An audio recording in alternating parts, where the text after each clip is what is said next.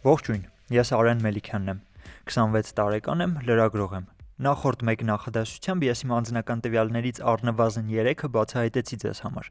Անունս, ազգանունս, տարիքս։ Սա անհրաժեշտության դեպքում հնարավորություն կտա ձեզ նույնականացնել ինձ, տարբերել Արեն անունով այլ մարդկանցից, իմ ազգանունն ունեցող մյուս մարդկանցից եւս։ Սրանք անձնական տվյալներ են, որոնք հանրամատչելի են, եւ ես հրապարակեցի կամավոր։ Սակայն կան տվյալներ, որ ես չեմ հայտարարի ոդքասթի որևէ էպիզոդում, հանրային գրառմամբ, սոցիալական որևէ ցանցում։ Օրինակ հեռախոսահամարս, բնակությանս հասցեն, անձնագրիս կամ բանկային քարտիս համարները։ Սա իմ իսկ անվտանգության նպատակով է եւ իմ ընտրությունն է։ Ընտրությունից բացի նման տեղեկատվությունը պաշտպանելն իմ իրավունքն է ամրագրված օրենսդրությամբ։ Էնցիկլոմեդիայի այս էպիզոդն անձնական տվյալների պաշտպանության կարևորության եւ միջոցների մասին է։ Առաջիկա 10 րոպեներին պատմելու ենք ինչը պաշտպանել ումից եւ ինչպես։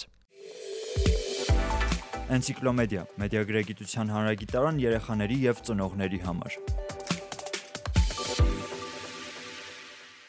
Հիմա երբ արդեն գիտեք անունս, ազգանունս եւ տարիքս, հեշտությամբ կարող եք որոնել ինձ սոցիալական ցանցերում, գտնել լուսանկարներս, իմանալ ոչ միայն թե ինչպիսի տեսք ունեմ, այլև վերջին ամիսներին որտեղ եմ եղել, ովքեր են ընկերներս եւ այլն։ Անկամ կարող եք տեսնել, թե ինչպիսի տեսք եմ ունեցել երեխա ժամանակ։ Իմ մանկության նկարներն արդեն չափահաս տարիքում հրապարակելն իմ որոշումն է, բայց իրենց երեխաների լուսանկարները համացանցում հանրային հասանելիությամբ հրապարակելիս ծնողները որպես կանոն երեխայի կարծիքը չեն էլ հարցնում։ Անձնական տվյալների պաշտպանության գործակալության փորձագետ Մկրտիչ Խաչատրյանի հետ եմ խոսել։ Պատմում է, թե ինչու է կարևոր երեխայի կարծիքի հետ այս պարագայում հաշվի նստելը։ Գիտենք, որ մի բան եթե հայտնվեց համացանցում, համացանցից դա արդեն մանավանդ բաց հասանելիությամբ հեռացնելը արդեն եթե չասեմ անհավանական է, ապա շատ դժվար է։ Դրա համար պետք է մտածել, եթե երեխայի մասնակցությամբ տեսանյութ կամ լուսանկար ենք հրապարակում ինչ-որ տեղ, հետագայում 5 տարի հետո, 10 տարի հետո դա ինչ ազդեցություն կունենա երեխայի վրա։ Ասենք մտածեք, հիմա 8 տարեկան երեխան նստած կաշկանդված վիճակում տնային հանրարարությունն է կատարում, որի տեսանյութը հրապարակվում է Facebook-ի էջում։ 5 տարի հետո այդ երեխայի վրա ինչ ազդեցություն կունենա այդ տեսանյութը։ Ծաղրանքի առարկա կդառնա, թե չի դառնա։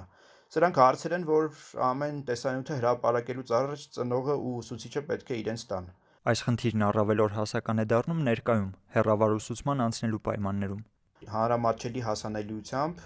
երեխաների տեսանյութերն են հրապարակվում, օրինակ Facebook սոցիալական ցանցում բաց հասանելիությամբ։ Այսինքն երեխան տնային հանրարարություն է անում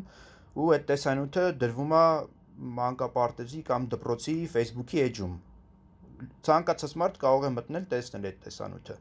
պոտենցիալ ռիսկային է երեխային սայբերբուլինգի զոհ դարձնելու համար կարա ծնողը ընդհանրապես այդ տեսանյութում ոչ մի ծաղրական բան չտեսնի ու իրականում կարա ոչ մի ծաղրական բան չլինի այդ տեսանյութում բայց ինտերնետ տրոլները եթե ցանկացան ինչ որ բան ծաղրական սարքել կսարքեն ծաղրական ու պետք է այստեղ ծնողը ու ուսուցիչը ոչ թե իրենց շահով առաջնորդվեն այլ երեխայի որքանով է դա երեխային դուր գալիս հետագայում դա իր վրա է ազդեցություն ունենալու։ Աննա Գևորքյանը երկու դպրոցահասակ որդի ունի։ Շատ ծնողների պես երեխաների լուսանկարները հրապարակելիս նրան եւս բարդ է կողմնորոշվելն ու գայթակղությանը դիմանալը։ Բնականաբար միայն ընկերների համար եմ դնում իրենց լուսանկարները, վիդեոները նույնպես, բայց անկեղծ ասած հաճախ չեմ դիմանում գայթակղությանը եւ ընդհանրապես իրենց նկարները եւ վիդեոները չդնել չի ստացվում, թեև շատ հաճախ եմ կարդում դրա մասին, որ լավ կլինի չդնել։ Վերջերս էլ մի դեպք եղավ, մի երկու օր առաջ էր։ Ես դրել էի իրենցից վիդեո, որոշել էինք ընտանեկան հաղորդում անենք, այդ հաղորդումը դրել էի միայն ընկերների համար, բայց հետո ինձ գրատներից մեկից խնդրեցին, որ վիդեոն բաց դնեմ, որովհետև իրենք էլ իրենց էջում էին ուզում տարածել։ Ես բացեցի, հետո ինձ տղաս ասում է, բայց ինչի ես դրել բաց այդ վիդեոն։ Թեև անձնական ոչ մի տվյալի մասին այդտեղ չենք խոսում, գրքերի մասին ենք խոսում, բայց իսկապես անընդհատ երկընտրանքի առաջ եմ կանգնում։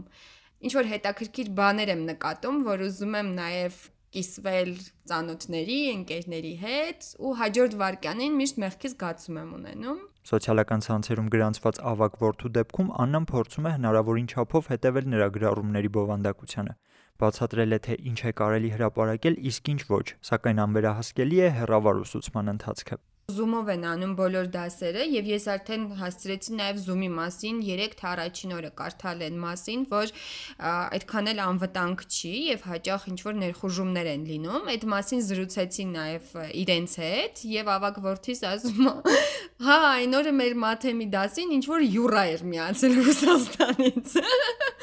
Ասում եմ, բա ինչ արեցիք հետո, ասում է դասղեկը ջղայնացավ, հետո սպառնաց իրան, նայել դուրս եկավ ընդհանուր խմբից։ Աննայի այս պատմությունը միակ դեպքը չէ։ Վերջին օրերին բազմաթիվ նման միջադեպեր են գրանցվել այս հարթակում։ Հիշատակված արցանց պլատֆորմի անվտանգության վերաբերյալ մտահոգություն է հայտնում նաև մեդիա փորձագետ Սամվել Մարտիրոսյանը։ Խնդիրն այն է, որ դասատուները շատ մեծ ուշադրություն չեն դարձնում ընդհանուր առմամբ անվտանգությանը, օրինակ բերեմ Zoom-ի հղումները բաց տարածում են, այսինքն ով ասես մտնում է այդ ձայնագրությունների մեջ, հիմա parzvets նաև եթե մարդիկ միացնում են recording-ը, ապա մեծ քանակի մարդ կա փորձում է որսալ, գտնել այդ ձայնագրությունները, քաշում են, տեղադրում են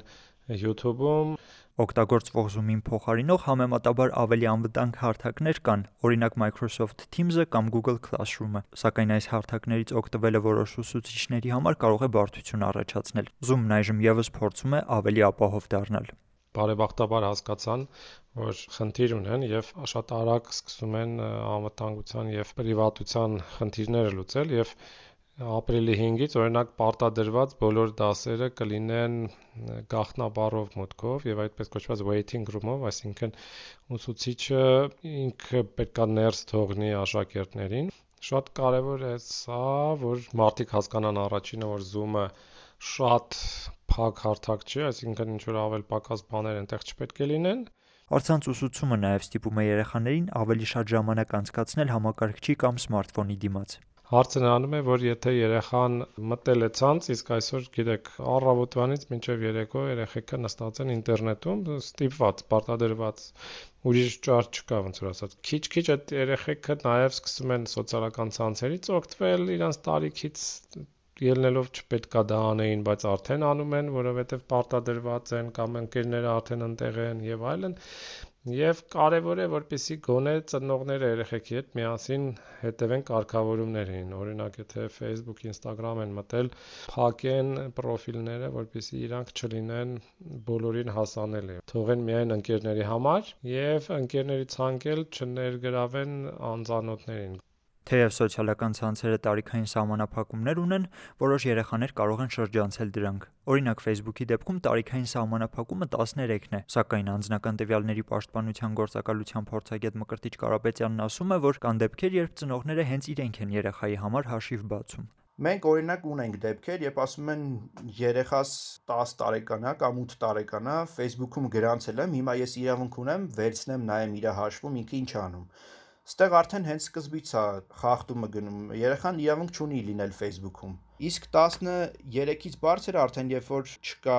արգելք գրանցվելու, երեխայի հետ ծնողը պետքա փորձի ավելի ընկերական հարաբերություններ հաստատի ու ավելի վստահությունը շահի երեխայի, որpիսի երեխան ինտերնետում կատարվող հավանական վտանգների մասին չքաշվի ծնողի հետ խոսել։ Օրինակ, ծնողը պետք է բացատրի երեխային կեղծ էջերի գոյության մասին անծանոթների հետ չշփվելու մասին։ Պետք է համոզված լինի երեխան էկրանից այն կողմ գտնվողը նույն մարդն է, ով ներկայանում է իր Facebook-ով։ Եթե այդուհանդերձ անձնական տվյալների արտահոսքը կանխել հնարավոր չի եղել, կարելի է դիմել իրավասու մարմիններին։ Եթե կասկածում են, որ անձնական տվյալների սխալ մշակում կա, կարող են դիմել անձնական տվյալների պաշտպանության գործակալություն։ Գործակալությանը դիմելու համար կա Facebook-ում էջ գործակալության, որ անընդհատ կապի մեջ է։ Կարող են նաև դիմել ոստիկանություն, որովհետև անձնական տվյալների խախտման այնպիսի հետևանքներ կարող են առաջանալ, որոնք քրեական պատասխանատվության են ենթադրում։ Որպիսի գործը սրան չհասնի, Մկրտիչը խորհուրդ է տալիս գաղտնաբարի երկփուլ վավերացման կարգավորումներ ունենալ։ Երկփուլային հաստատման հավելվածի վերաբերյալ, ինչպես նաև անձնական տվյալների պաշտպանության գործակալության հղումները, այս թեմային առնչվող մի շարք այլ օգտակար աղբյուրների հետ կգտնեք էպիզոդի նկարագրության մեջ Media.am կայքում։ Media.am-ից բացի մենք հասանելի ենք նաև ձեր ոդքասթ հավելվածներում, նաև հանրային ռադիոյի Արևիկ մանկապատանեկանի եթերում ենք։ Էնցիկլոմեդիա ոդքասթերի շարքը պատրաստում է մեդիա նախաձեռնությունների կենտրոնն ԱՄՆ միջազգային զարգացման գործակալության աջակցությամբ իրականացվող Մեդիան քաղաքացիների տեղեկացված մասնակցության համար ծրագրի շրջանակում։ Էպիզոդը ձեզ համար ձայնագրեց Արեն Մելիքյանը։ Առայժմ